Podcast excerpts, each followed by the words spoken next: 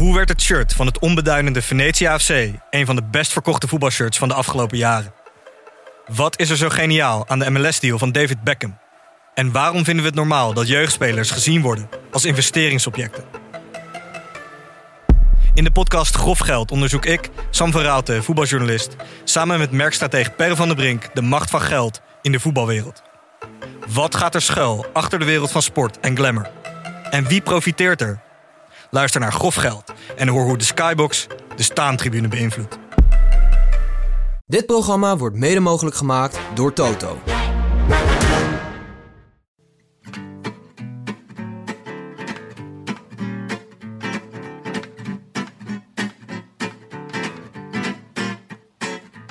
È maggio 2018 e cominciano le settimane più belle dell'anno, quelle del Giro d'Italia. Live, direttamente dal nostro divano ad Amsterdam West, gustando vino e formaggi, state ascoltando The Road Lanterne, il podcast sul ciclismo di Hattie Scores. Godetevelo!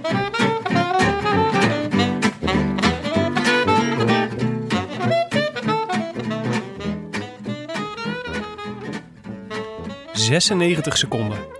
Zoveel zou Tom Dumoulin kunnen terugwinnen op een tijdrit van 34,2 min of meer vlakke kilometers. Zo hadden de laptop-wielrenkundigen berekend.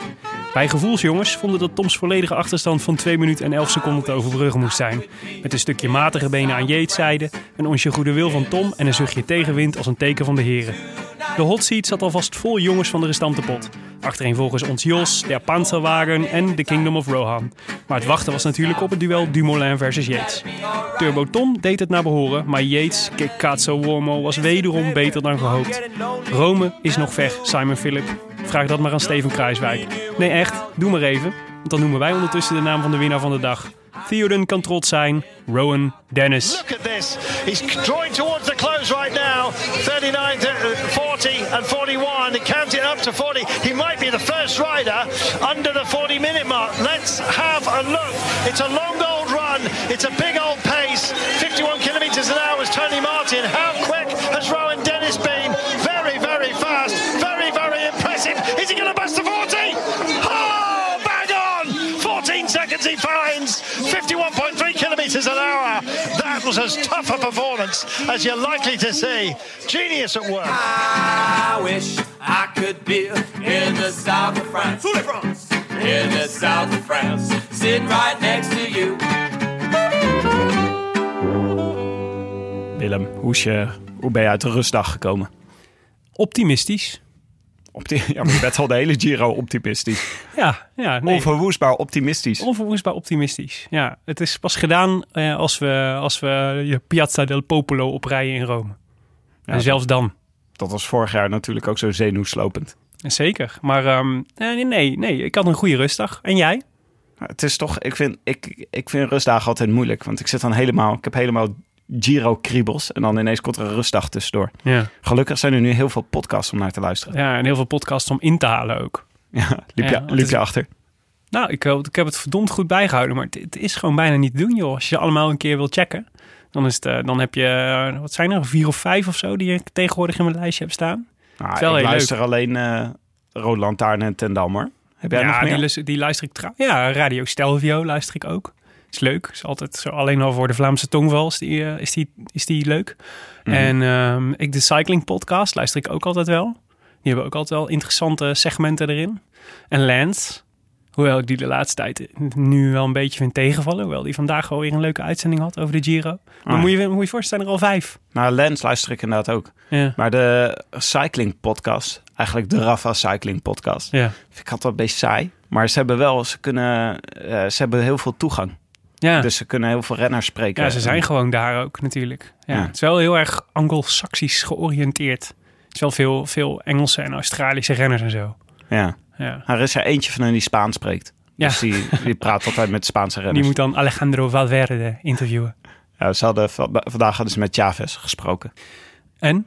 Inclusief Spaanse quote die ik niet kon verstaan. Oh, maar wat had Chavez te vertellen? Ja, het is natuurlijk een beetje de vraag wat er, wat er mis is gegaan met Chavez. Ja. Dat was, eh, daar hadden ze het over. Hooikoorts had ja, hij toch? hooikoorts schijnt nu het verhaal te zijn. Maar Ja. hij weet het zelf ook niet. Hij reageert er echt sympathiek op, vind ik. Hmm. Hij zegt echt gewoon, ja, slecht. Ieder- slecht. iedereen ik, heb geen, ik heb geen geheim plan. Ja. Het is gewoon allemaal slecht. ja, dat kan natuurlijk. Iedereen is ook dol op hem, hè, op die Chavez. Ja, vreselijk hè. Sympathiek. ja. Vreselijk sympathiek mannetje. Ja, dat is wel leuk. Ja. Hey, ehm, het andere nieuws van de dag was eh, wat minder. De bedoel, heb jij het over de papegaai? Ik heb het over de papegaai. Over Freddy. Ja. Freddy, heette die Freddy? Hij heet Freddy, ja. Ja, Freddy heeft dus een ongeluk gehad. Wat, eh, nee, sorry. Frankie heet hij. Frankie. Frankie. Misschien moet je even vertellen wie deze papegaai is. Oké. Frankie is dus de papegaai van Michele Scarponi. De renner die vorig jaar, volgens mij, een paar weken voor de Giro was dat. Een auto-ongeluk kreeg. eh, of een, met een, ongeluk met een vrachtwagen kreeg in een trainingsrondje. En kwam te overlijden. En ehm, dat was heel sneu. Oud-winnaar van de, van de Giro. Geliefde renner ook, volgens mij. Eh, en eh, dat was toen hij, eh, toen bij zijn overlijden, toen eh, kwamen er in één keer allemaal foto's op van hem met een, eh, met een papegaai op zijn schouder. En dat was Frankie. En Frankie, eh, of ja, Fra- Frankie, Frankie. En Frankie, eh, die kwam altijd aan het einde van een trainingsrondje, kwam die altijd, eh, of altijd, soms op zijn schouder een stukje mee fietsen. En die woonde daar en niemand wist echt van wie die was. En, ehm, eh, en na het overlijden van Scarponi werd de papegaai dus ook meerdere malen gesignaleerd op de plek waar ze elkaar altijd ontmoeten. En zat hij op de grond te wachten totdat Scarponi zou komen. Oh, wat een beeld. Ja, heel sneu. Maar nu heeft Frankie zelf een ongeluk gehad. Wat voor ongeluk. Een auto-ongeluk. Hij is in botsing gekomen met een auto. En, eh, en eh, heeft daarbij zijn vleugel gebroken. En eh, dus nu, ik zag op Twitter een dramatisch plaatje van de papegaai die... ehm, die het is dus ook nog dat het, een mooi detail is dat het een papegaai in Astana kleuren is. Ja, Dus in blauw, ja. blauw en geel. Met een zeer slecht gevoel voor strategie. Ja, ja, dus ja, kennelijk. Anders vlieg je niet tegen een auto aan. Maar die, ehm, die, eh, dus de dramatische foto was dat hij met gespreide vleugels onder narcose op een eh, operatietafel lag. Heeft iemand daar een foto van gepubliceerd? Ja, daar heeft iemand een foto van gepubliceerd. Ja, ja het is natuurlijk niet zomaar een papegaai die je daar op je operatietafel hebt liggen. Ik zou die moment of fame zou ik ook pakken. Maar we hopen dat het snel weer beter gaat. Nou, het schijnt, eh, dus het zou, eh, dus volgens de kranten was de operatie goed verlopen en, en was er goede hoop dat Frankie weer eh, zou kunnen vliegen. En Dus, ze eh, weten nog steeds and- niet... Thoughts and die- prayers, Thoughts and prayers. Thoughts and prayers. We weten nog steeds niet bij wie die hoort of van wie die is. Nee, dit kon ik in ieder geval. wel mijn, dat hij mijn Italiaans reikte niet zover dat ik. dat ik nee, ik weet niet waarom die volgens mij noemde Scarponi hem altijd Frankie. Ja, Ja, nou, het is symbolisch sterk natuurlijk. zeker.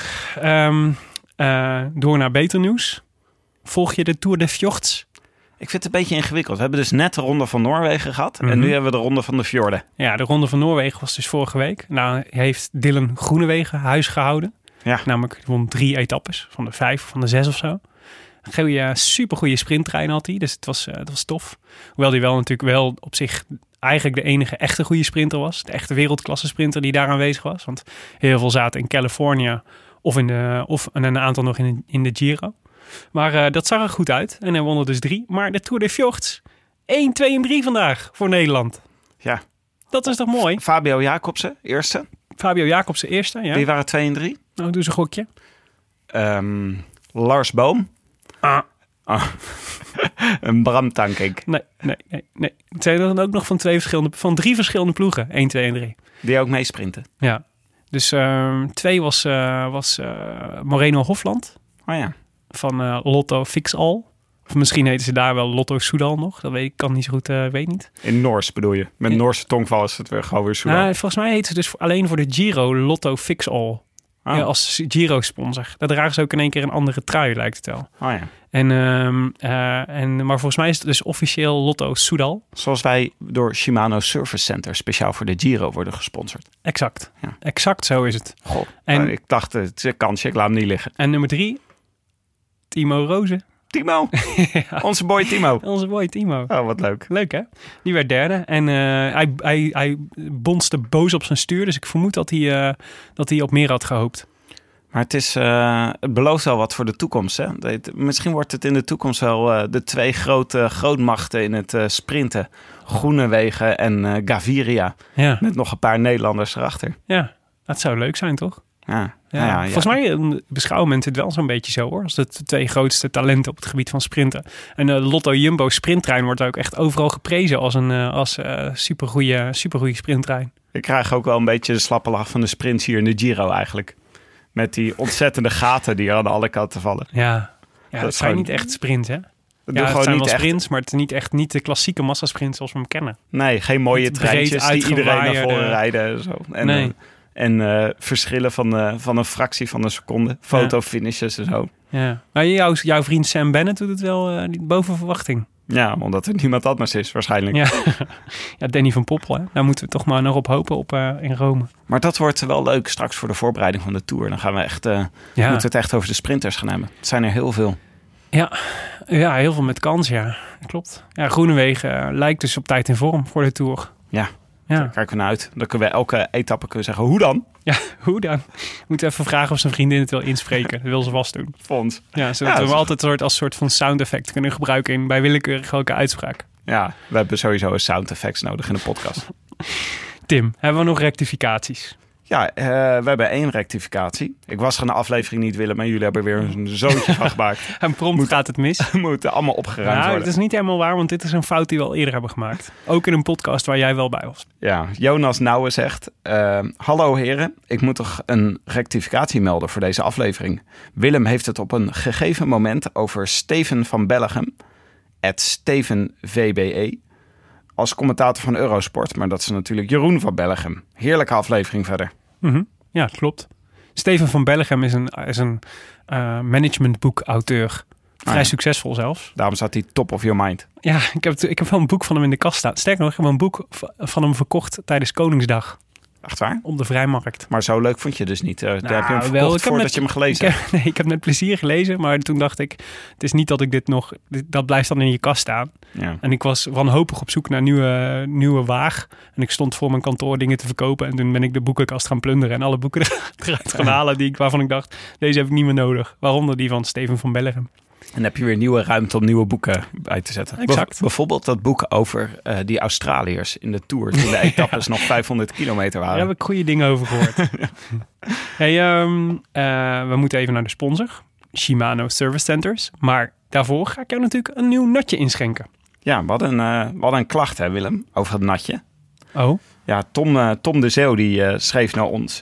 Eh, ik, eh, ik- nou, hij zegt eerst even iets eh, niet ter zake doen. Dus zegt hij, ik ben gezegend met eh podcast, podcast, podcast Lounge op de Windows Phone. Het ging, we hadden gewoon een gesprek over apps. Niets Oh ja? vermoedend. En toen ineens kwam de kritiek. En stop eens met Franse wijn tijdens de Rode Lantaarn. uit het niets. Tip voor vandaag is... eh, Met de vlakke hand in ons gezicht. Hij tipte ook Bubbles 51 underscore 151. Wat ik echt een catchy naam voor Bubbles vind. Ja, ja, en ik had dus niet zo goed door wat hij eigenlijk bedoelde. Want ik had daadwerkelijk bubbels koud liggen in de, in de, in de koelkast. Namelijk omdat ik dacht, het zou wel eens een mooie dag kunnen worden voor de dumolisten onder ons. Ja. En, eh, maar toen liep ik net naar de koelkast toe en toen dacht ik, ja, ja, ja. Het is toch niet echt champagne. Het is niet echt een dag voor champagne. Ja, maar we wilden wel een handreiking doen. Ja, dus we hebben Zuid-Franse wijn. Steeds dichterbij. Ja, en niet zomaar Zuid-Franse wijn, maar Zuid-Franse wijn die luistert naar de naam Viognier Lille. En ehm, ik was net, dacht ik moet even wat research doen naar deze wijn, want ik, ik heb hem ook zomaar uit de koelkast getrokken. Dus ik hoop niet dat mijn vriendin straks boos is als ik, als ik thuis kom. Je had een cadeau gekregen, toch? Of zij had hem een cadeau Ja, gekregen. ja, ja, precies. Ze had hem cadeau gekregen, maar eh, toen had ik, was ik hem gaan googlen en toen kwam ik op de site van Albertus Wijnen, kwam ik eh, de volgende zin over dit wijntje tegen. Viognier wordt steeds bekender, maar blijft in tegenstelling tot Chardonnay of Sauvignon Blanc een relatief lastig druifje om mee te werken. Oh, verdomme. Een lastig druifje. Een lastig druifje om mee te werken. Ik durf het wel aan. Omdat het niet altijd eenvoudig is om hem in een pure vorm in de fles te krijgen. Nou ja. wat was het ook weer? Voignier. Viognier. Viognier. Viognier. Zo heet dus de, de druif. En, de, en Lille betekent volgens mij gewoon eiland. Dus Als- ja, Als een van de luisteraars nog een keer een tip heeft voor een goed natje, eh stuur het ons vooral. Dat is ja leuk. een goed Italiaans natje waar... eh, ja, precies. Ja. Ja. dat zou goed zijn. Nou, Cheers. Proost. En naar de sponsor. Ja, ik, eh, vind, het, ik vind het een ingewikkeld druifje. Inderdaad. Een lastig druifje. Ehm, we moeten naar de koers. De tijdrit van vandaag. Laat het over de, De, tijd hebben. chronometro. Ik heb een beetje zo halve informatie over deze tijdrit onthouden. Dit is namelijk eh, van, eh, de, eh, van de Tour des, de, de Lab, de, des Lalp. Tour de l'Alpe. Tour de l'Alp. Ja. Het, het, het, het parcours, het gebied. Mhm. Ze, rijden, ze reden namelijk van Trento naar Rovereto. Zo, ik ga echt lekker met mijn lekker in, je zit niet lekker in de Italiaanse naam, hè? Dat komt door het ingewikkelde druifje dat ik net achter de kies heb, Willem. Sorry. Maar goed, het was een tijdrit en een lange tijdrit, namelijk 35 kilometer. Nou, noem dat maar lang.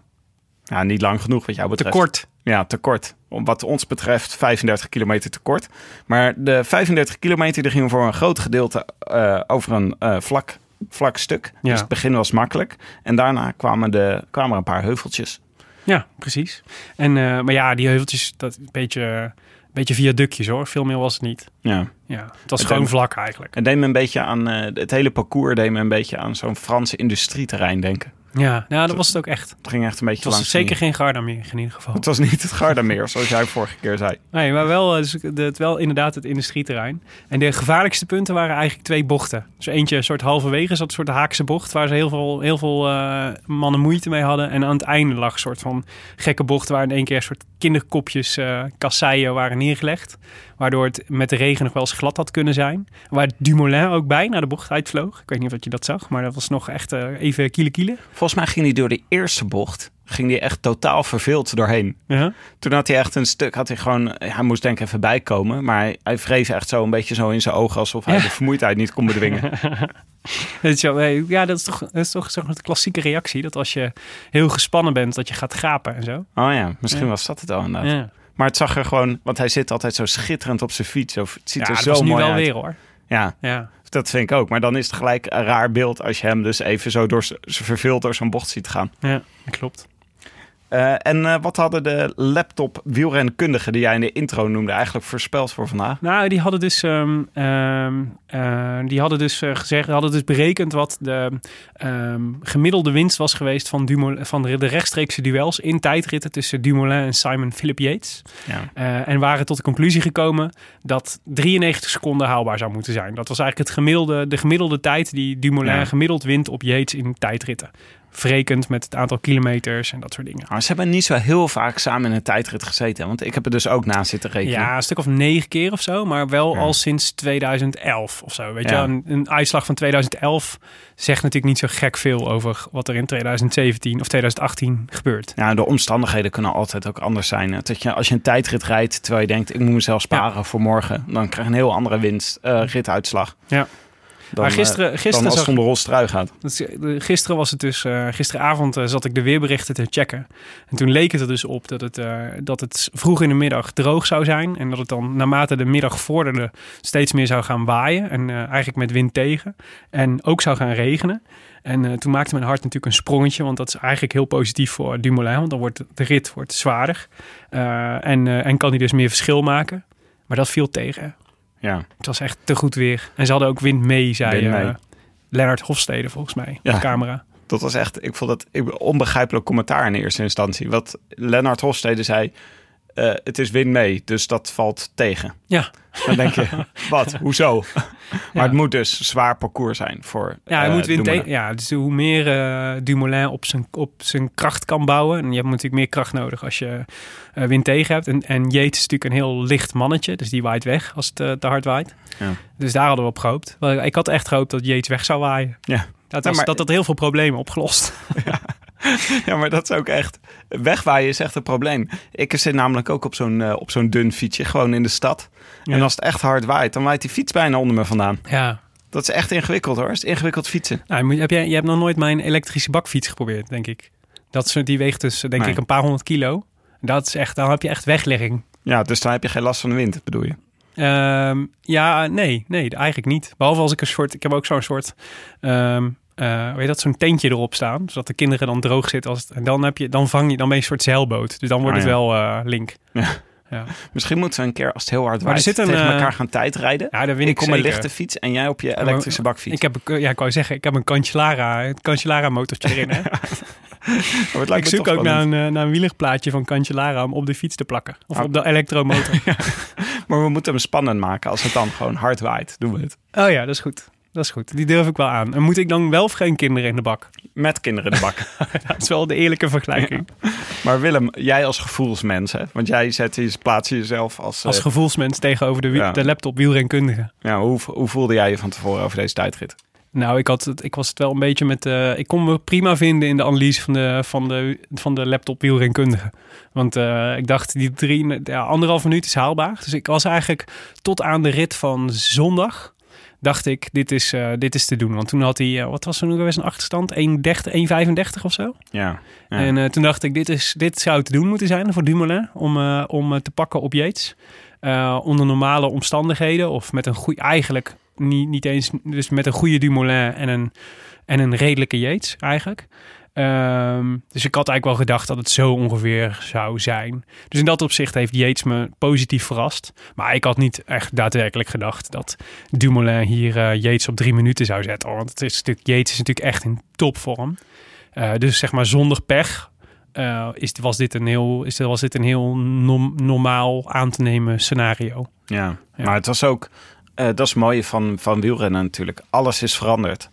Omdat Yates zo ontzettend in vorm is, maar ook omdat hij de eerste tijdrit ook al heel erg goed reed. hè? Dus dat is gewoon iemand die een vrij matige tijdrijder is. Die wordt ineens een vrij goede tijdrijder. Ja, maar hij is gewoon goed, toch? Ik weet, ik weet niet eens meer wie het zei, maar ik vond dat echt de uitspraak over Yates van deze, van deze ronde. When you, when you fly, you fly, zeg maar. Dus, Ja. dus de, al- als je kunt vliegen, dan moet je vliegen. En dat heeft hij natuurlijk tot nu toe de hele tijd gedaan. En, eh, en, dus er was echt geen enkele reden om aan te nemen dat hij nu in de tijdrit in één keer slecht zou zijn. Dus, het is, ja, wat kan er gebeuren? Je kunt, eh, eh, je kunt pech krijgen of hij had wind tegen kunnen hebben. En dat had zijn prestatie waarschijnlijk negatief beïnvloed. Maar nu, met gewoon onder normale omstandigheden, is het niet zo gek dat hij relatief beter presteert dan Dumoulin. Maar Dumoulin zet gewoon weer echt, het is gewoon een klasse tijdrit. Ja, laat, wacht even. Laten we voordat we de balans opmaken over hoe Dumoulin het gedaan heeft. Even over het Ja. verloop van de tijdrit hebben. Eh, zoals, zoals we altijd doen. Ja. Ik verheugde me natuurlijk op de hot seat. Ja, we hadden dus een aantal jongens die ehm, zich gisteren hadden, of zondag eigenlijk, ehm, extra tijd, eh, bewust extra tijd hadden verloren om vroeg te kunnen starten in de tijdrit. Oh ja, zodat, het, eh, zodat je in de droogte zou eh, fietsen. Ja, Kirienka en ehm, eh, wie nog meer? Tony Martin. Hmm. Die, Kirienka deed niet echt mee. nee. Ging niet echt goed vandaag. Nee, die ging niet goed, nee. Dus die, had nou, die was gewoon, eh, nee, klopt, die was te weinig. En, maar die hadden zich, die, die hadden een gegokt van, eh, van eh, we moeten proberen om zoveel mogelijk onderscheid te hebben. Dus de kans is groot dat, dan, dat het weer omslaat gedurende de dag, weet je. Of dat de, de weersomstandigheden anders zijn aan het begin dan aan het einde van de middag. Dus dan kun je er het beste op gokken dat je, dat, dat je dan optimaal gebruik maakt van, mocht dat, van dat hypothetische scenario. Was, de, was dat denk je ook wat Dumoulin probeerde zondag? Nee, man, die was hartstikke goed. Ja, Ja, maar die, maar, maar ja, goed. Ja, het is, was wel, je weet niet hoe de omstandigheden veranderen als je dus later op de dag rijdt. Als je Ja. gaat regenen. Je weet niet wat voor consequenties dat heeft. Nee, ja, kijk, met voordeel is natuurlijk voor de echte klassementsmannen, die rijden onder dezelfde omstandigheden. Dus als het keihard had geregend, dan hadden Dumoulin en, ehm, en Yates over, nog steeds over hetzelfde parcours moeten. Dus in dat opzicht is het wel eerlijk. Alleen tussen, de, ja, ja, en nu bleek het uiteindelijk nog eerlijk, want er zat niet zoveel verschil tussen de weersomstandigheden aan het begin van de middag en aan het einde van de middag. Nee, een klein beetje wel. Ja, precies. Maar, niet zoveel dat, het, dat, het, dat dat het verschil maakte. Het was hetzelfde weer hè, in Nederland als daar. Min of meer, ja. Ja, dat was wel grappig. Ja. Dat was, ik liep naar buiten en ik dacht, oh shit, het begint te regenen. Ja, Toen dacht ik, ja, oh ja, nee, maar... ja. Nou goed. Maar eh, ja de hot seat. de hot seat. Ik verheugde me op eh, Jos van Emden de hele dag op de hot seat. Dat hij dan zo de hele dag op die stoel moet zitten en in de camera moet kijken. Vier minuten of zo was het dat erg leuk. Dat hij erop heeft gezeten. Ja, want Tony Martin eh, kwam vlak achter hem. Ja. Wat is, jij hebt in Duitsland gestudeerd, hè? Toch? Ja, ja, Waarom, waarom, zeggen, noemen we, waarom noemen we Tony Tony Martin?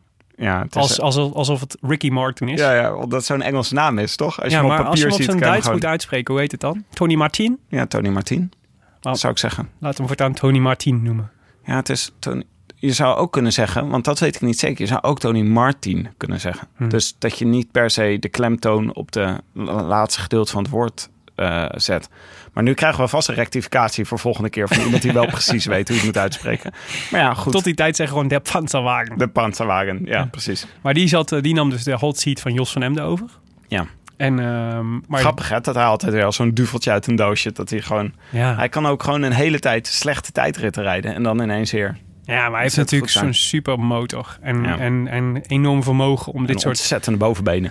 Ja, en om dit soort, eh, om dit soort ritten supergoed te kunnen rijden. Het is natuurlijk, de- dat was echt een tijdrit voor, eh voor eh, tempobeulen En de Ja. grote motoren. Nou, en dan komt Tony Martin wel bovendrijven. Ja, niet helemaal toch. Het was eigenlijk dat klassementsrenners en tempobeulen met elkaar konden gaan uitmaken. Omdat er net lang genoeg stuk vlak in zat. Maar ook heuveltjes. Waardoor het niet alleen maar voor de specialisten was. Nee, klopt. Maar ehm, eh, ook eh, Tony Martin moest het afleggen. Want eh, toen kwam Rowan Dennis. Ja. En Leuk. ehm, Grappig dat hij dus, die, die finisht eigenlijk nooit rondes. Hè? Die rijdt ze bijna nooit uit. nee, Omdat hij toch geen goed klassement kan rijden. En nu doet hij ineens mee. ja. En is zijn tijdrit nog steeds hartstikke goed. Ja, nou, hij wil dus, ja, hij ziet het dus. ik, ik las een, een interview met hem dat hij het ziet, deze ronde als het begin van een vierjarenplan om echt een goede ronderenner te worden. Eh, en daarvoor heb je dus, heeft hij dus wel een goede tijdrit nodig, nog steeds. Om, eh, om, eh, om net als Dumoulin eigenlijk. Dat is dan een voornaam wapen. Maar moet hij proberen om in de bergen langer mee te kunnen. En dat ga- gaat nu nog niet. Maar hij staat er best aardig voor. En ook met zo'n dag als vandaag komt hij er toch weer, komt hij er toch weer goed vanaf. Hij is zo'n type als Froome en Dumoulin. Ja, En dan krijg je straks ook nog Roglic erbij. Hè? Hij staat nu gewoon, hij staat nu gewoon zesde in het, in het klassement, hè? Ik verheug, me- Rowan Dennis. ik verheug me echt op de Tour van eh, 2019. Dan krijg je dus, hopelijk krijg je dan gewoon Froome en Roglic en Dumoulin en eh, Bernal en eh, allemaal in dezelfde... De ultieme battle. Het zou toch leuk zijn als een keer gewoon allemaal meededen. battle royale wordt dat dan. Ja, battle royale van het wielrennen. En dan zo'n super saaie tour die dan eh, die door Sky meteen in het slot wordt gegooid. Zal je net zien. ja, dan hebben we tenminste weer wat om aan vast te houden. Maar ik vond het mooiste van Rowan Dennis vond ik nog wel dat hij, eh, je zag dat hij ging winnen. Maar hij, eh, hij, eh, ik vraag me dan af of dat hij zelf ook het eh, scorebord zag. Waar de seconden naar de 40 minuten aftikte. En hij haalde het net niet, hè? Ja. Dat is echt jammer. 40-0-0 eindigde hij. Wat natuurlijk super knappe tijd is. Maar ja, we hadden natuurlijk allemaal gehoopt dat hij de 39-59 zou ja, aantikken. ja, precies. Ja. De enige Dus rennen onder toch- de 40 minuten. Toch een beetje een teleurstelling, wil je zeggen, Willem. Nou, voor iemand die al heel lang een, een 10 kilometer wil hardlopen onder de 40 minuten. Is een, I, I know his pain. I feel his pain, zeg Wat, maar. wat is jouw beste tijd? Ja, ik heb in trainingsrondjes wel eens harder gelopen. Maar in wedstrijden geloof ik 40-08 of zo. Ah ja, Maar ja, is niet, net niet. niet. echt om iets over... eh, net niet, ja. oké. dus Willem net niet Dudok. we moeten hier niet op pakken. Ja. Maar eh, ja, bij het... Ik ben eh, gewoon een moeilijk druifje, Tim. Je bent zeker een moeilijk druifje. maar het was... eh, Eurosport ging er ongeveer 60 keer uit naar de break. En toen zeiden ze, na de break komen de favorieten.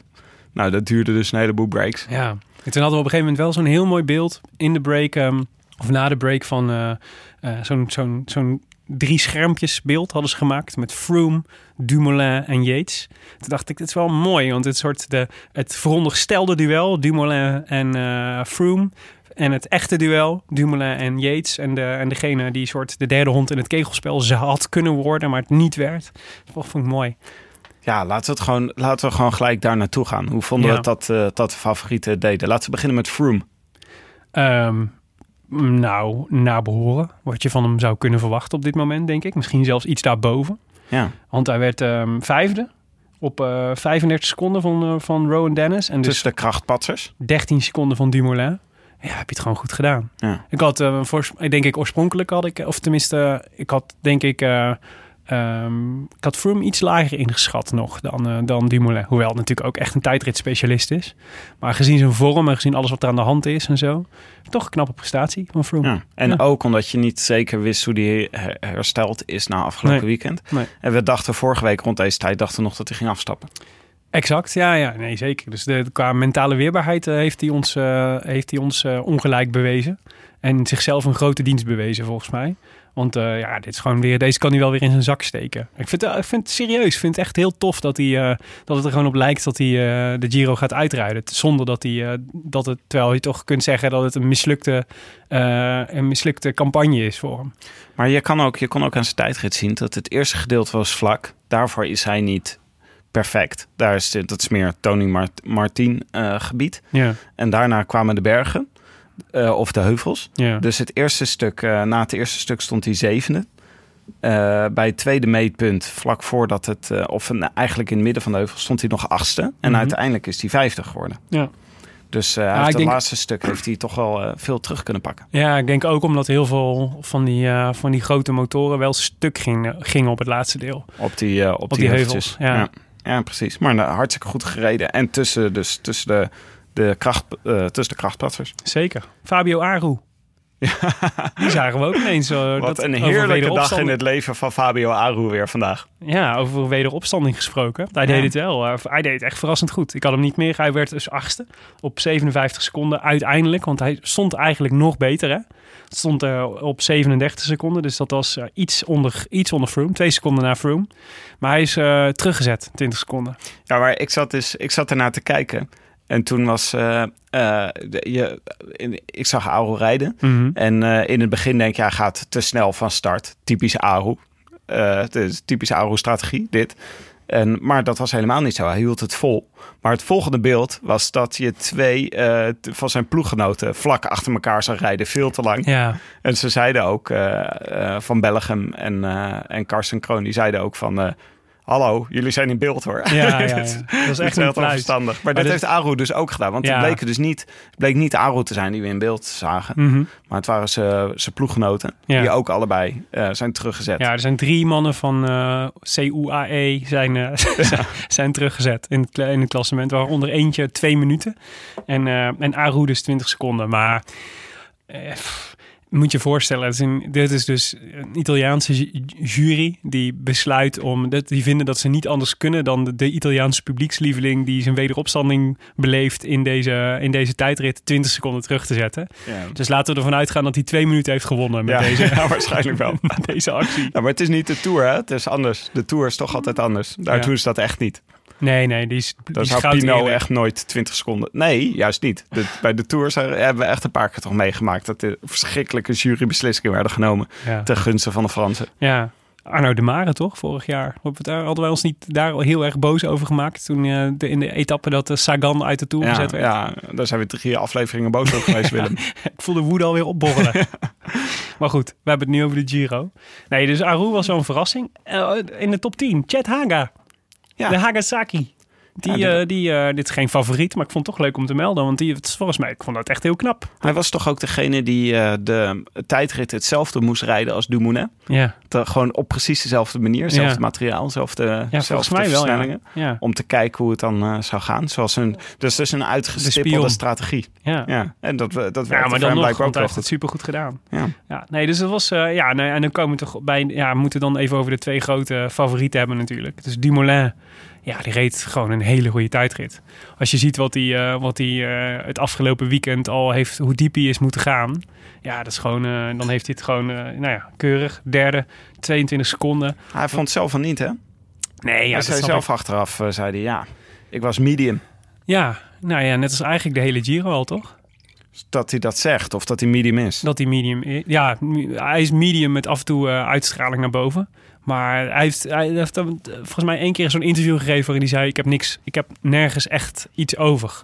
Ja. Eh, dus hij rijdt dan bijvoorbeeld op die Zoncolan, rijdt hij eh, super beheerst en heel goed naar boven. En, en in die, die zondag-etappe ook, weet je wel. Dan rijdt hij het laatste deel gewoon sneller dan, dan Yates nog. Dus hij rijdt, hij rijdt gewoon een hele goede, goede Giro, omdat het een hele, hele goede renner is. Maar binnen dat hele, hele goede renner zijn, is hij niet, momenteel niet in exceptionele vorm. Dus eh, ik denk alleen maar, ik vind het alleen maar heel hoopvol. Ik bedoel, als, als je, eh, niet, als je ma- middelmatig bent eh, of voor jezelf denkt, ik ben, ik ben niet in, in mijn absolute topvorm. En je staat, wat is het, na drie weken Giro, tweede op eh 55 seconden van iemand die in de absolute top wereldvorm van zijn hele carrière is. Ja, dan, dan is je basisniveau natuurlijk zo ontzettend hoog. Ja, want je basisniveau is dan een soort bandbreedte eigenlijk. Dus voor Ja. Dumoulin is dat gewoon 1 tot met 6 of zo. Ja. Zegt dat dat gewoon... En als hij, Wat bedoel je? 1 tot met 6? Nou, eh, plaatsen 1 tot Ja, met 6 ja. in het klassement. En dat als hij een slechte... Als hij geen goede vorm heeft, dan wordt hij zesde. ja. Als, Als hij, hij slechte vorm heeft, wordt hij zeggen. ja, als hij slecht, slechte vorm heeft, wordt hij zesde. En als hij perfecte vorm heeft, wordt hij eerste. Ja. En nu is hij gewoon tweede. Dus dan zit hij nog binnen die bandbreedte, zit hij nog aan de hoge kant. Omdat hij gewoon Ja. ontzettend goede, goede Giro rijdt. ja, of misschien moet je zelfs wel zeggen dat hij... ehm, dat hij, precies, maar dat, hij, eh, dat je hem alleen kunt verslaan, Dumoulin, omdat hij al zo'n basisniveau heeft. Als hij, niet top, als hij top is, dan wint niemand van hem. Als hij, als in de hij, tijdrit of in de Giro. in de Giro. Als hij, echt als hij echt in topvorm zou zijn, dan wint niemand van hem. Zeg jij als neutrale, als neutrale laptop wielerliefhebber. Nee, maar dit is toch, je kunt toch niet ontkennen dat hij, als hij, hij- want dat zien wij ook wel, toch? Dus Ja. hij is beter dan vorig jaar, vind ik. Zeg maar, als je kijkt naar zijn algemene, naar zijn algemene niveau en hij zegt van zichzelf: ik ben, ik ben niet, niet, ik ben oké. Ja. Dat is wat hij zegt. En dat geloof ik ook wel. Want hij, je ziet dat hij, dat hij telkens net niet iets, echt iets over heeft. Net als vorig jaar op eh, Europa en eh, op de Blockhouse. Weet je, daar zag je gewoon... Daar zag je dat hij echt een, nog in de ultieme finale... op de ritten die hem niet per se laag een verschil kon maken. Dat kan hij nu niet. Hij kan nu voornamelijk heel goed volgen... en, dan, en uitdelen in, de- in de tijdritten. Ja, maar het is ook, je ziet dat iedereen worstelt. Yates is gewoon in topvorm. Ja, je ziet gewoon dat iedereen een beetje worstelt met wat het narratief van Dumoulin moet zijn. Mhm. Dat je dus kan zeggen van, oh wat jammer, hij prolongeert zijn titel niet en hij is toch niet in supervorm. Zo, zo bekijkt hij het zelf waarschijnlijk. Ja. Van, eh, ik ben toch niet goed Ja, genoeg nu op dit moment. Ja, omdat hij zelf elke keer na de finish zegt van, ik ben niet super en ik ben blij met hoe het gaat, maar ik ben niet super. Ja. Maar eh, de stap die we hoopten dat Dumoulin zou maken, tenminste ik hoopte heel erg voor, voor deze Giro. Ik was een beetje bang dat hij niet goed genoeg zou kunnen klimmen Mhm. omdat hij vorig jaar tegen Nibali en eh, slechte Quintana reed. Ja. Die in een bandbreedte helemaal onderaan bungelde. Ja. Of tenminste Quintana op dat moment. En eh, hij, eh, een week geleden zei hij nog... ja, ik kan gewoon niet met die springveren mee. Maar nu een week later heeft hij die springveren... een heleboel van die springveren... een paar keer op achterstand gereden. Zeker. Dus klimmen gaat eigenlijk... De, hij heeft de stap gemaakt naar echt een goede klimmer zijn. ja. En hij is nog steeds een super tijdrijder. Dus hij heeft misschien juist wel ten opzichte van vorig jaar... de stap gemaakt die ja, we heel erg hoopte dat ja, hij zou oh nee, dat denk ik zeker. Dus ik denk dat die tweede plaats in dat opzicht, hoe gek dat ook klinkt, tweede in de Giro worden, dat je daar een beetje teleurgesteld mee bent. Ja, dat is niet, niet zo gek toch, dat we daar teleurgesteld mee zijn. We hopen dat hij wint. Ja. Dus het tweede is gewoon, is, is, nou ja, is gewoon in de basis een teleurstelling. Maar binnen die teleurstelling kan ik ook wel denken... ehm, eh, kan ik ook wel trots voelen, weet je wel, dat het, dat hij, dat, want het is super knap. En ik denk, de- dus mijn narratief zou veel meer zitten op, volgens mij, ehm, ik beschouw Dumoulin als een oeuvre renner. Ja, mooi. Mooi Willem. En, eh, en dus je moet het niet kijken. Dus in, in, een heel, in een heel oeuvre is dit gewoon een, eh, is niet zijn beste boek. Maar, maar, maar de- weet je, we weten dat er nog heel veel moois gaat komen met Dumoulin. Hij is nog hartstikke jong. Hij kan, er zit nog heel veel verbetering in. Alleen al als hij op dit niveau weet te blijven en hij heeft wel een goede, hij heeft wel, eh, hij is wel de top in topvorm, eh, dan kan hij elke ronde winnen. Dus we gaan nog zoveel plezier beleven van deze jongen. En, en ja, dan is een tweede plaats. Is gewoon, dat, hoort gewoon, dat mag gewoon op de, op de oeuvre-lijst. Maar ik vind eigenlijk dat hij deze tijdrit dus wel gewonnen heeft. Omdat hij Dennis en, ehm, en Martin zijn, eh, zijn echte tijdritspecialisten. Die ook een beetje sparen omdat ze deze tijdrit aanzien komen. Ja, ah, Dennis niet echt, hè? Dennis heeft natuurlijk wel geprobeerd. Die probeert wel een goed klassement te rijden. Ja. Maar die zit toch niet mee in het gevecht Nee, waar precies. Dumoulin in zit. Nee, nee niet, drie, niet drie weken of niet, niet al twee weken lang eh, in, eh, op de voorste gelederen. Nee, en die heeft dus ook niet gezegd dit seizoen... ik ga een eh, gedeelte van mijn tijdritkrachten inleveren om klassementsrenner te worden. En die twee moet hij voor zich, houden, moet hij voor zich dulden. Ja, Maar nog steeds zit hij er middenin. ja. Midden tussen hun in. en ik denk dat een er- fantastische tijdrit. Ik ben het niet met Tom Dumoulin eens. Wat een Nee, ja. matige analyse. Nee, ja, ik denk, en nee, ik denk serieus als je. Eh, als, hij, eh, als, hij, eh, als Dennis de inspanningen had geleverd die Dumoulin de afgelopen weken had geleverd, had hij niet. eh, dat, dat, dat is meer waard dan 22 seconden. Dus hij had hem, hij had hem gewoon. ge- Als, dit, als, het gewoon, als ze allebei fris hadden kunnen starten, zie Jeruzalem, zeg maar, dan had, Ja. dan had, had Dumoulin gewoon gewonnen. Ik had ook een klein vuistje in de lucht hoor. Toen Dennis zei, ja, ik kwam eigenlijk om Jeruzalem te winnen. ja, ja, toen dacht precies. ik, ja, hij ja maar ja, we eh, hebben dan- dan wat je buiten Dumoulin gerekend. Ik zag wel voor het eerst weer. Ik had eigenlijk de hele Giro een, eh, echt een goed gevoel over Dumoulin. Het deed, eigenlijk, deed alles goed eigenlijk. En is ontspannen en vrolijk en open in, hoe hij eh, naar iedereen communiceerde. En helemaal, helemaal niet het gevoel dat soort verborgen agenda. Of dat hij, eh, dat hij eh, was, speelde heel erg open kaart over hoe hij zich voelde en wat er aan de hand was. En, en hoe het ging en hoe hij zelf, hoe hij zelf de, de, Giro keek. En ik zag vandaag voor het eerst dat hij was zo'n fragmentje na afloop van de, na de finish. Dat ik weer een soort van de frustratie van, van Abu Dhabi en zo in hem, eh, in hem eh, terugzag. En eh, want hij was, op een gegeven moment was hij boos op een paar journalisten of zo die hem hadden geduwd of weet ik veel wat. Toen dacht ik, ja, ik snap dat je baalt. En, maar het, is wel, het was wel een soort reactie van iemand die even net niet lekker, die, die nou, baalde van zijn eigen prestatie, denk ik. Ja, Terwijl er echt geen enkele reden voor was. Maar het hoort wel een beetje bij hem. Dat had hij vorig jaar ook toen hij, toen hij Nibali en Quintana boos maakte. Ja, maar dat was toch een soort. Dat was toch. Dat vond ik een ander soort boosheid uiteindelijk.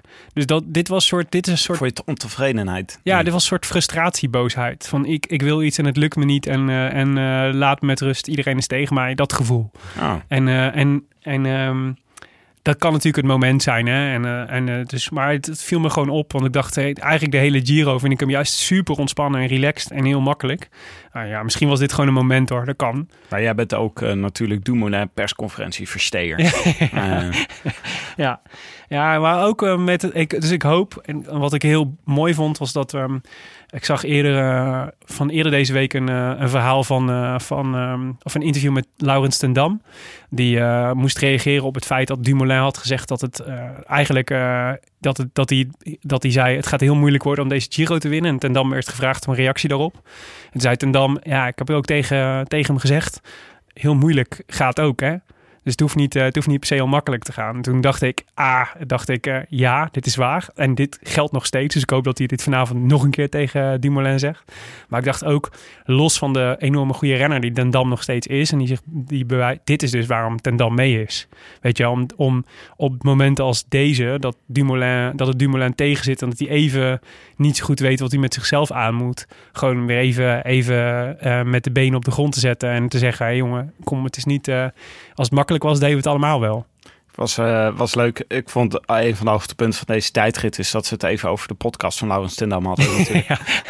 Oh, ja. Vond ik een heel leuk moment. Op de Engelstalige Eurosport bedoel je? Ja, op de, nee, op de, op de Nederlandse Oh ja? Eurosport. Karsten Kroon en, eh, en Van Bellegem. Ja, ja. Oh. En, ehm, eh, Wat ik- zeiden ze? Nou, ik had hem. eh, ik wilde eigenlijk iets anders zeggen, want ik had hem nog even teruggeluisterd. eh of de aflevering van de Rustdag. De podcast van de podcast. Ja. Ja. En eh, daarin vertelde hij dat afgelopen zondag had uh, Tendam had één berg voor zijn rekening genomen. Mhm. En de volgende berg eh, was hij echt, zat Tendam er echt, eh, echt doorheen. En toen, eh, zei, eh, toen zei, zei hij van, ja, zal ik me nog een stuk rijden voor jou? Zei hij tegen Dumoulin. Toen zei Dumoulin, nee, het gaat zo meteen helemaal los, dus je kan hier toch niet mee. ik heb genoeg aan Sam Omen. Toen Ja. dacht ik, wow, dat vind ik wel, dat, toen dacht ik echt, dat, dat vond ik eigenlijk, daar haalde ik vertrouwen uit. Ja, eh, ik ook wel. Misschien onterecht, maar toen dacht Ja. ik, ja, maar dan heeft hij, is hij toch zelfverzekerd, hè? Ja, zwaar. Moeten we het nog over Simon Yates hebben? Eh, nou, ik vond het wel bijzonder hoe hij op zijn fiets zat. Ik zat zo te kijken, het ziet er, ik vond het er echt niet uitzien als een goede Nee. tijdrit. Ah, hij had ook een fludderpakkie aan. En wat? Zo'n fludderpakkie. Als in, eh, Fludderpakkie? ja, zo'n zeg maar zo'n tijd. Weet je, Dumoulin die zit helemaal strak in zijn, in zijn tijdrit outfit. Dat is natuurlijk ook. En, eh, en en- dat fladderde of zo. ja, bij, eh, ja, maar dat heeft hij, die Simon Yates heeft dat dus de hele tijd al. Dus dat, dat maakt het ook extra frustrerend dat hij zo goed rijdt. Want eh, hij heeft dus ook de hele tijd fiets. Hij lijkt de hele Giro al met zijn regenjack in zijn, in zijn zak te rijden. Alsof zo, dat het enige regenjack is wat hij heeft, dat hij 's ochtends meekrijgt voor het geval dat het gaat regenen. het, soort, het, soort, het is echt, hij, hij fietst deze Giro als een soort middelbare scholier on steroids gewoon. Dus dat hij soort, dat hij dan, het is valt me nog mee dat hij niet zijn, zijn lunchpakketje ook in zijn, in zijn andere zak heeft. Dan, eh, voor halverwege de Zonkolan. Ja. En, eh, maar dat, Rasmus, eh, die vond het echt belachelijk, hè? Dat hij dat ding nog... boos over. Die zei, hoezo heb jij je bidon nog bij je? Op de laatste klim en een regenjas in je zak. Ja, ja, maar dat eh, doet hij dus de hele tijd. Heeft hij dit soort dingen. Dus maar het op zich zegt natuurlijk al alles over je vorm. Als dat gewoon niet uitmaakt, weet je wel. Dus dat je gewoon met een regenjas de Zonkolan op fiets en dan nog steeds gewoon eh, een van de beste bent. Dan maakt kennelijk die 150 gram ook niet meer uit, weet je wel. Dat is, eh, Maar fantastische prestatie ook weer van hem. Hij zat ook zo gretig op de fiets. ja. Hij gleed de hele tijd van zijn zadel af. Omdat hij helemaal naar voren aan, eh, eh, zat op zijn fiets. Aan zijn Ja. stuur zat te trekken. Ja, hij vreet hem echt op, hè, de weg. Dat is Ja. wel, ja, ik vind het is wel mooi om naar te kijken, hoor. Ik, ik bedoel, het is, ehm, wij zijn volgens mij allebei eh, Daniel Martin fans. Als eh, de, de kromgetrokken renner over Ja. zijn stuur. Dat is ook natuurlijk een soort oer-Hollands beeld en eh, die we herkennen uit de polder. Maar ehm, Simon Yates kan er ook wat van, qua kromgetrokken en, eh, en moeilijke gezichten. Ja, maar het, het is, het straalt niet alleen maar zeg maar afgepeigerdheid uit. Maar het straalt Nee, ook gewoon gretigheid. En, Ja. en ik ga je opvreten, finish. Ja, het is gewoon Er rijdt niemand voor hem. Dus ik weet niet tegen wie die dag gaat opvreten. green, grinta op wielen, hè, is het gewoon Simon Yates. Ja. Maar ehm, laten we even, want ik wil nog wel heel eventjes naar het klassement. Want we moeten natuurlijk de vraag gaan stellen, hoe nu verder? Ja. Want zoals we al zeiden, Rome is nog ver. Vraag dat maar aan Steven Kruiswijk. Ja, dat is jouw motto hè, vanaf nu af aan. Dat is mijn motto, ja. ja maar dit is ook wel echt zo. Zal ik anders even op Facebook zetten? Yates feliciteren met zijn eh, Giro over Facebook. Dat heb ik vorige keer ook de, Dat ging je bij Kruiswijk ook zo Kruiswijk eh, om La- zijn laten we, misschien moeten we dat als lezersoproep maken. Dat Allemaal we Simon. Yates met z'n allen gaan feliciteren met de Giro-overwinning. Zodat hij We gaan er gewoon kapot jinxen. Goed idee. Eh, ik ben echt prachtig. Ja, ik vind het serieus een goed plan. Iemand opperde de straat of de, de mogelijkheid. Kijk, Dat Froome die is, echt back in the game. Die staat vierde nu in het klassement. En ehm, Ja, back in the game. Hij staat op, 3 drie minuten 50. hè? Ja, maar voor het podium. Ja, Dus- zeker. Hij staat eh, Potso 39, staat, eh, 39 seconden van het podium vandaan. Ja, van, Van, Vivo. Vivo. Ja. En ehm, eh, iemand opperde als mogelijkheid. Als Sky eh Pool zit volgens mij weer lekker in zijn veld. Die kan echt eh, flinke, Zo, heel lekker in zijn vel, ja. flinke slagveld aanrichten. Mhm. Eh, maar het zou toch mooi zijn als Sky een keer zo hard aan de boom schudt... dat alle ploeggenoten van Yates eraf vallen. En Ja. dat het dan gewoon nog twee bergen man tegen man wordt. ja. Dat is een man. Mano a mano. Ja. Maar hij heeft echt vind een... je het al spannender als we het zo zeggen? Maar hij vindt het wel... nee, ja, dat zou te gek zijn. Want- Sowieso denk ik dat...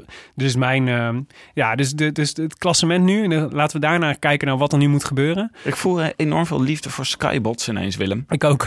ja, misschien gewoon- moeten we even appen naar Dylan van Baarle. Dat hij eh, Ja, even in moet grijpen. even het commando Skybots deploy.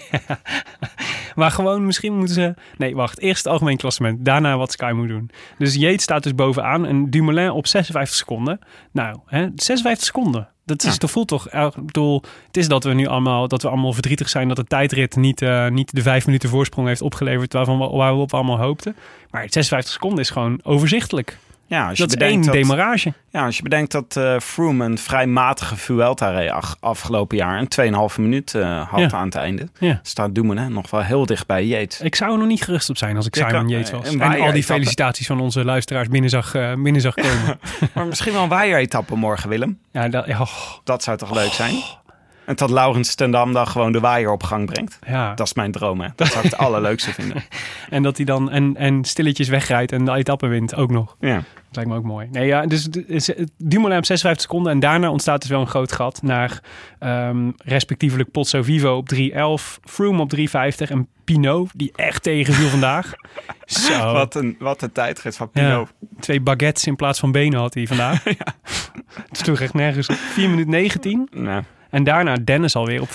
weet je, met Pinot, het zag er niet eens heel raar uit, hè, hoe die fietste. Ik vond niet dat hij er nou zo kapot uitzag of zo. Maar het, eh, werkelijk, Ja, het sloeg nergens op. Terwijl hij best goed kan tijdrijden. Soms. soms. Ik wil één, ehm, één eh, naam nog noemen. Sam Omen staat nu gewoon dertiende op eh 1.04 van de top 10, hè? Ja, verdomd. Die kan gewoon de top 10 binnen gaan sneaken deze, deze Dus week. Sam Omen staat op 8, 8 minuut 5 van Yates. Ja, En George Bennett, ook een slechte 701. tijdrit hoor vandaag. Ja, dat is heel slecht. Ja, die staat op 701. Ja, dat is Sam Omen met een hele goede, met een goede derde week en een beetje mazzel. Nou, er gaan ongetwijfeld nog wat mensen uitvallen. waaieretappe morgen. Ja, dus eh, hij, zal wel, hij zal wel veel voor Dumoulin moeten werken. En ze zullen niet het algemeen klassement van Sam Omen hoog hebben staan. Maar god, die jongen die kan gewoon, eh, die zou gewoon eh, top 10 kunnen finishen in de Giro als hij... En Poels ook 17e. ja, maar die is- en terwijl die in het begin heel veel tijd heeft verloren. Dus die had ook gewoon in top 10 gestaan als hij, eh, als hij dat niet had gedaan. Voor Michael Wood. Ja, ja precies. Ja, die, eh, dat is dramatisch, Woods. hey, maar ehm, jij zei al, de Skybot deploy. Dus dat is, eh, dat, daar moeten we natuurlijk op rekenen. Ik hoop op de Skybots. Ah, heb, ja, jij wat- nog een, heb jij nog een alternatieve strategie? Hoop op pech. Ja. Nee. Je hoopt gewoon, oh ja, je hoopt op waaien van de weg. Nee, ik hoop niet, nee, ik hoop niet op pech, want dat is niet leuk. Ik vond van, dat is natuurlijk, Kruiswijk was het ook, eh, was ook natuurlijk heel sneu dat hij, eh, dat hij een stuurfout maakte en in de ijswand reed. Maar het is wel zo, ik heb zelden eh, grote rondes gezien waar de grote favoriet, of de, waar de, de, de, de, de, de zegen ehm, z- zo zeker leek en waar er vervolgens niks meer gebeurde. En het is, blijft de Giro, er gebeurt altijd wat. Ja, we Dus hebben, want heel even, want eh, we hebben morgen dus vlaketappen. Ja. Eh, woensdag. Mhm. En we hebben vrijdag en zaterdag hebben we echt grote Alpen. Dus donderdag is ook aankomstberg op. Ja. Maar vrijdag en zaterdag. eh. Vrijdag is de Chima Koppie. Chima, Komi- Chima, Chima Koppie. Ja. En zaterdag is ook een grote bergrit. Ja. En de kilometers die ze moeten klimmen, die zijn iets minder onregelmatig dan de eerdere beklimmingen. Dus op zich. Ja, het, het lijkt eh, meer een Dumoulin, eh, Dumoulin parcours te Ja. worden. Ja. Ja, en, eh, maar goed, hij zal in de aanval moeten. Kijk, wat ik, wat ik opvallend vond, was dat ehm, eh, het is een beetje een... je, je never change a winning strategy, hè, is, de, is eh, een motto van iemand. Mhm. ja. Van Plato Citeer ik Plato. Ja. En ehm, die, ehm, die, zei dat al, eh, die zei dat al, die had het al heel vroeg door. Ja. En ik hoorde dus eh, Simon Yates na afloop van deze, van deze Giro, vanaf van deze tijdrit vertellen dat hij, van, dat hij nu eh, veel verdedigender kon gaan rijden. Ze hadden heel erg opgezien tegen deze tijdrit. En hij dacht, ik moet op alle mogelijke punten waar ik kan, moet ik tijd zien te winnen. Dus ik moet heel aanvallend rijden. Eh, en hij zei, nu, nu de tijdrit achter de rug is, hoeft dat niet meer. En nu kan ik meer in de verdedigende rol. En toen dacht ik, ha, Simon Philip. Simon Philip Yates. Hier bega jij een grote fout, dacht ik. oh ja, hoezo dan? Waarom zou je wisselen van, strate- van een strategie die je zoveel goeds heeft gebracht? Oh ja, zo op die manier. Misschien is het ook Dit is zo- dit voelt het is als de- communicatie, Willem. Als de Bosveld-Robbenwissel van eh Dick Advocaat in Portugal. Dat is wel leuk. De- deze houden we vast. En Ja. dan over, we spreken elkaar vrijdag weer. ja. En dan gaan we even kijken. Gaan Nou, we hier ook- naartoe terugblikken. ja, maar ook al Ik dus, ben wel benieuwd hoe die vrijdag dan gereden heeft. ja. En donderdag. Ja, maar ook dus omdat 56 seconden helemaal niet zo heel veel is. Dus, ehm, dus eh, als je kijk, dus eh, pech kan altijd, hè? Eh, dus je kan altijd lek rijden op een verkeerd moment, of je kunt altijd in een sneeuwwand rijden of wat dan ook. En dan heb je een buffertje nodig. Dus denk aan Dumoulin vorig jaar met het poepincident. Ehm, toen het grote voordeel van Dumoulin was dat hij toen best wel wat voorsprong had al. Dus hij kon wat tijd, hij kon wat tijd verliezen zonder dat het hem meteen de Giro kostte. 56 seconden? Is een, eh, dat, is, eh, dat is één lekke band op een berg. Ja. Eh, en één, één keer Sam Omer die doortrekt en samen met de Skies besluit om, om de koersen keihard te maken. En, en, en Simon Philip Yates op achterstand te zetten. Of gewoon even niet opletten. Of Of even- die demereert en Dumoulin die in zijn wiel gaat zitten. Ja, dus het kan gewoon. Dus ik zou, ik, nou ja, mark my words, dit, dit, dit zou eh, Simon Philip Yates nog wel eens duur komen te staan. Ik, eigenlijk is het verschil natuurlijk minder. Want door die verduivelde eh bonificatieseconden... 35 bonificatieseconden heeft eh Yates gepakt. Heb ik even gevraagd op, Mhm. op Twitter. Ja. Toen reageerden een paar mensen. Die zeiden, hadden uitgerekend 35 seconden. Ja. Dus eigenlijk is het verschil maar 15. Ja, in een, in een, parallele, 17. in een parallele wereld waar geen bonificatieseconden bestaan, wil je zeggen. Ja. Ja, in die wereld is het inderdaad maar 15 seconden, Tim. Dankjewel. Ik wilde hier graag herkenning voor hebben. Ehm, maar goed, morgen gaat dus Koen Bouwman winnen. Hebben we geleerd van Frank Heijnen. Oh ja. Want ehm, ik maak even een bruggetje naar de voorspelbokaal. Ja, laten we, laten we deze tijdrit... was een mooie tijdrit. Ik vond het leuk om te kijken. Ja. Ik had wel, ik ben gewoon deze hele Giro zo dol enthousiast. Ik had bij deze tijdrit dat ik dacht, eh, er gebeurt zoveel tegelijk. Ik heb geen tijd overal voor. Ik wilde precies weten hoe iedereen reed. Ik wilde iedereen even in beeld. Mhm. Het was weer spectaculair. Heb je, ehm, heb je qua voorspelbokaal heb je de, de, de magistrale column van, eh, van eh, Frank Heijnen gelezen? Over eh, hoe het afloopt, Ja. deze Giro? Ja, maar misschien moeten we hem even, misschien moeten we even bijpakken hem- voor de voorspelbokaal. citeren? Ja, doe maar. Oké. Zo loopt het af. Begint een van de laatste alinea's. Wielrennen is een verhaal. Winnen ook. Een moeilijk verhaal, snifte Dumoulin zondagmiddag nog. Dit is hoe het moeilijke verhaal afloopt. Dinsdag wint Rowan Dennis de tijdrit. Tom Dumoulin wordt tweede. Yates eindigt op dikke minuut op de achtste plek. Iedereen in zak en as. Tom weigert een reactie te geven en Yates laat weten dat hij achteraf misschien niet drie minuten had moeten stoppen om een cola te bestellen langs het parcours. Woensdag wint Koen Bouwman de etappe. Dumoulin li- rijdt lusteloos achter in het peloton. Donderdag gaat de winst naar een willekeurige Italiaan en eindigen alle favorieten bij elkaar. Tom Dumoulin zal na afloop laten weten dat de tweede ook heel mooi is. Niet geheel toevallig een van de stellingen van het Dumolisme die ondergetekend in 2012 al op zijn eigen deur spijkerde. Vrijdag verschijnt de roze trui wat pips aan het vertrek. Geruchten gaan dat hij niet helemaal fit is, maar insiders weten dan al van het volksfeest dat zich de hele dag onder zijn Turijnse hotelkamer heeft voltrokken.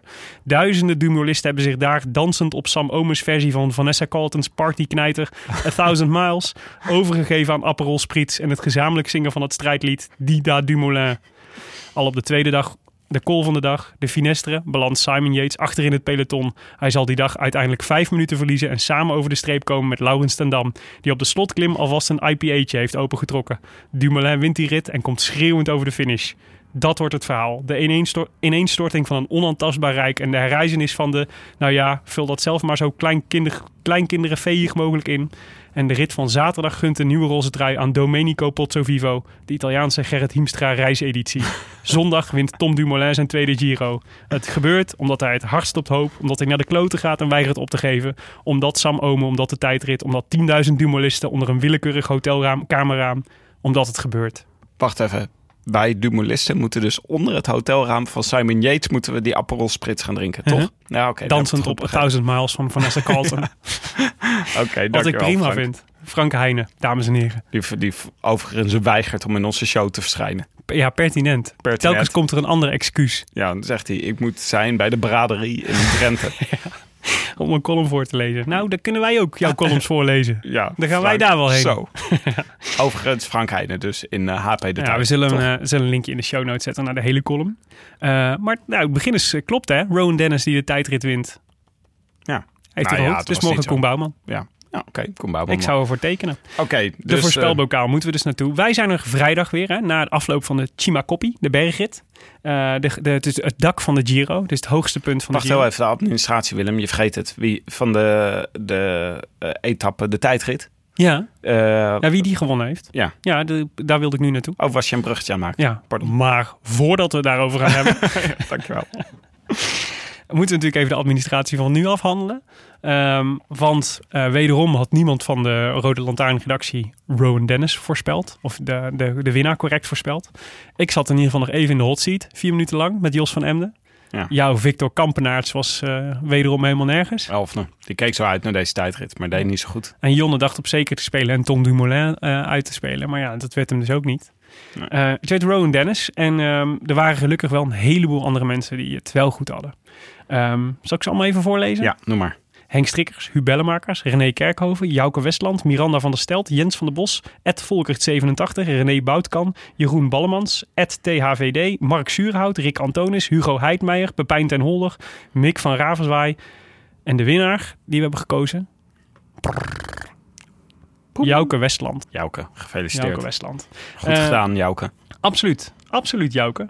Eh, dus ehm, jij moet even Jouke, of u, we eigenlijk jij of u tegen Maar we weten niet zo goed eh, hoe oud Jouke is natuurlijk. Laten we het op u gooien. Ja. Jouke, u, Kunt u even... kunt u uw- even uw eh, adresgegevens doorsturen aan ons. We zullen het wel even netjes vragen in een, per- in een personal message. En dan, eh, dan sturen we een boek uit het Wielerfonds van Atlas Contact, waarvan wij denken dat u schikt. Ja. Ehm, en u mag in de, want dat is, dat, dat, wordt, dat is de nieuwe prijs. Als u wil, mag u in de volgende aflevering iemand de groetjes doen.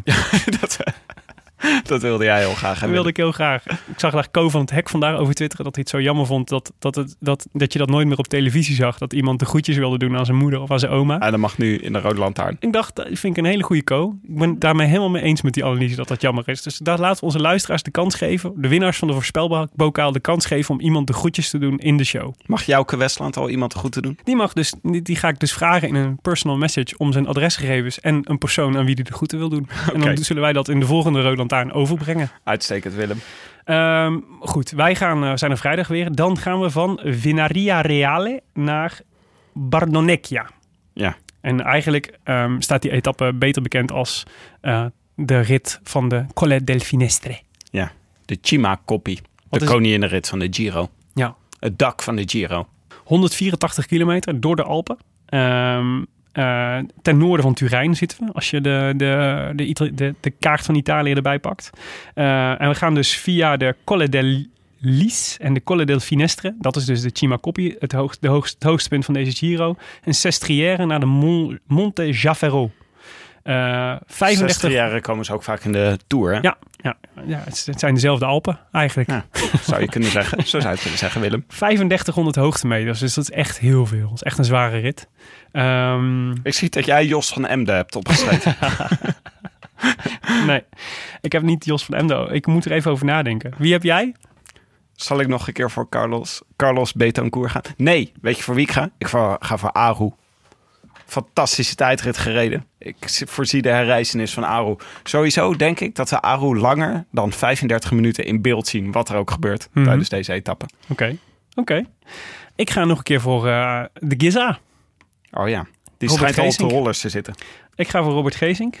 En ehm, Jonne, die eh, heb ik net eh, even een WhatsAppje gestuurd. Die gaat voor Miguel Angel Lopez. Oh ja. Nou, allemaal keurige namen volgens mij. Als je mee wil doen, dat zouden we echt heel erg leuk vinden. Dan kan dat via de Rode Lantaarn op Facebook. En dan kun je meteen de pagina even liken. Of via hashtag voorspelbokaal op Twitter. Het is wel handig als je die hashtag er even bij zet. Want dan kunnen we namelijk terugvinden. Soms, eh, Wie soms wat heeft niet. gezegd. Soms twitteren mensen dat wel eens direct naar jou zonder de hashtag. Ja, en dat vind ik dan best wel leuk. Maar het is in de, voor de administratie het maakt het het onnodig complex. Ja, het is heel zielig voor onze stagiair. Ja, als we die hadden gehad. Voor Eh, Willem En eigenlijk. dus, nou ja, eh, dus eh, wat kun je winnen? Een prachtig boek en de kans om de groetjes te doen in de show. Oké. Dat was hem voor vandaag, Tim. Ja, u luisterde naar De Rode Lantaarn. Gepresenteerd door uw favoriete bankzitters. Vandaag uit de kast bij Willem Dudok thuis. De kledingkast. Willem Dudok en mijzelf, Tim de Gier. De, deze aflevering is natuurlijk weer geproduceerd door Jonne Serize van Dag en Nacht Media. En wij danken Het is Koers, de mm, eh, leukste en sprankelend, sprankelendste wielerblog van Nederland en Vlaanderen. Voor alles. Alles wat zij ooit voor ons gedaan hebben. En Shimano Service Center voor de sponsoring. Vandaag extra dank aan Chiara Caccinelli voor de intro in het Italiaans. Mhm. En eh, wil je reageren op deze uitzending? Dat kan. Ja. We zijn op Twitter te bereiken via Willem Dudok en Tim de Gier en Ton Garçon. Ja, Dat is waarvan de eerste O een 0 is. Ja, precies. En eh, abonneer je op iTunes. Eh, want eh, dat is eh, leuk voor onze rankings. En dan kunnen andere mensen ons makkelijker vinden. En wij vinden het leuk om de, de reviews na te lezen. Ik vind het echt heel leuk. Check sturen iedere dag wel een keer. ja, check iedere dag wel een keer of dat er nog iemand een reviewtje heeft geschreven. Hebben we nog, is er nog een nieuwe leuke Willem? Tim, er waren echt heel veel leuke vandaag en de afgelopen dagen. Dus dat is echt hulde voor de luisteraars. Maar ik heb er eentje uitgekozen. Namelijk die van Huip12. Die ons vijf sterren geeft en schrijft een push-notificatie van een nieuwe aflevering van de Rode Lantaarn. Laat, evenals bij de Live Slow Ride Fast, het wielenhart een keer overslaan. Al jaren keuvelen de heren goed geïnformeerd over alles wat er zich in en rondom de koers afspeelt. Sinds dit jaar kunnen we ook tijdens de Giro met regelmaat genieten van een uurtje wielerpraat. Heerlijk. Nog een kleine kanttekening. Ik heb overwogen om vier sterren te geven in verband met het stopwoordje anywho. Maar ik ga toch voor een sterretje in mindering voor iedere aflevering waarin die voorbij komt. Anywho, keep up the good work. We kregen ook een mailtje van iemand. Ik zal nog even nazoeken wie dat was. Die ons er terecht op wees eh, dat we... eh, het is volgens mij vooral Jonne. Die af en toe nog wel eens zegt... ehm, eh, als zijnde.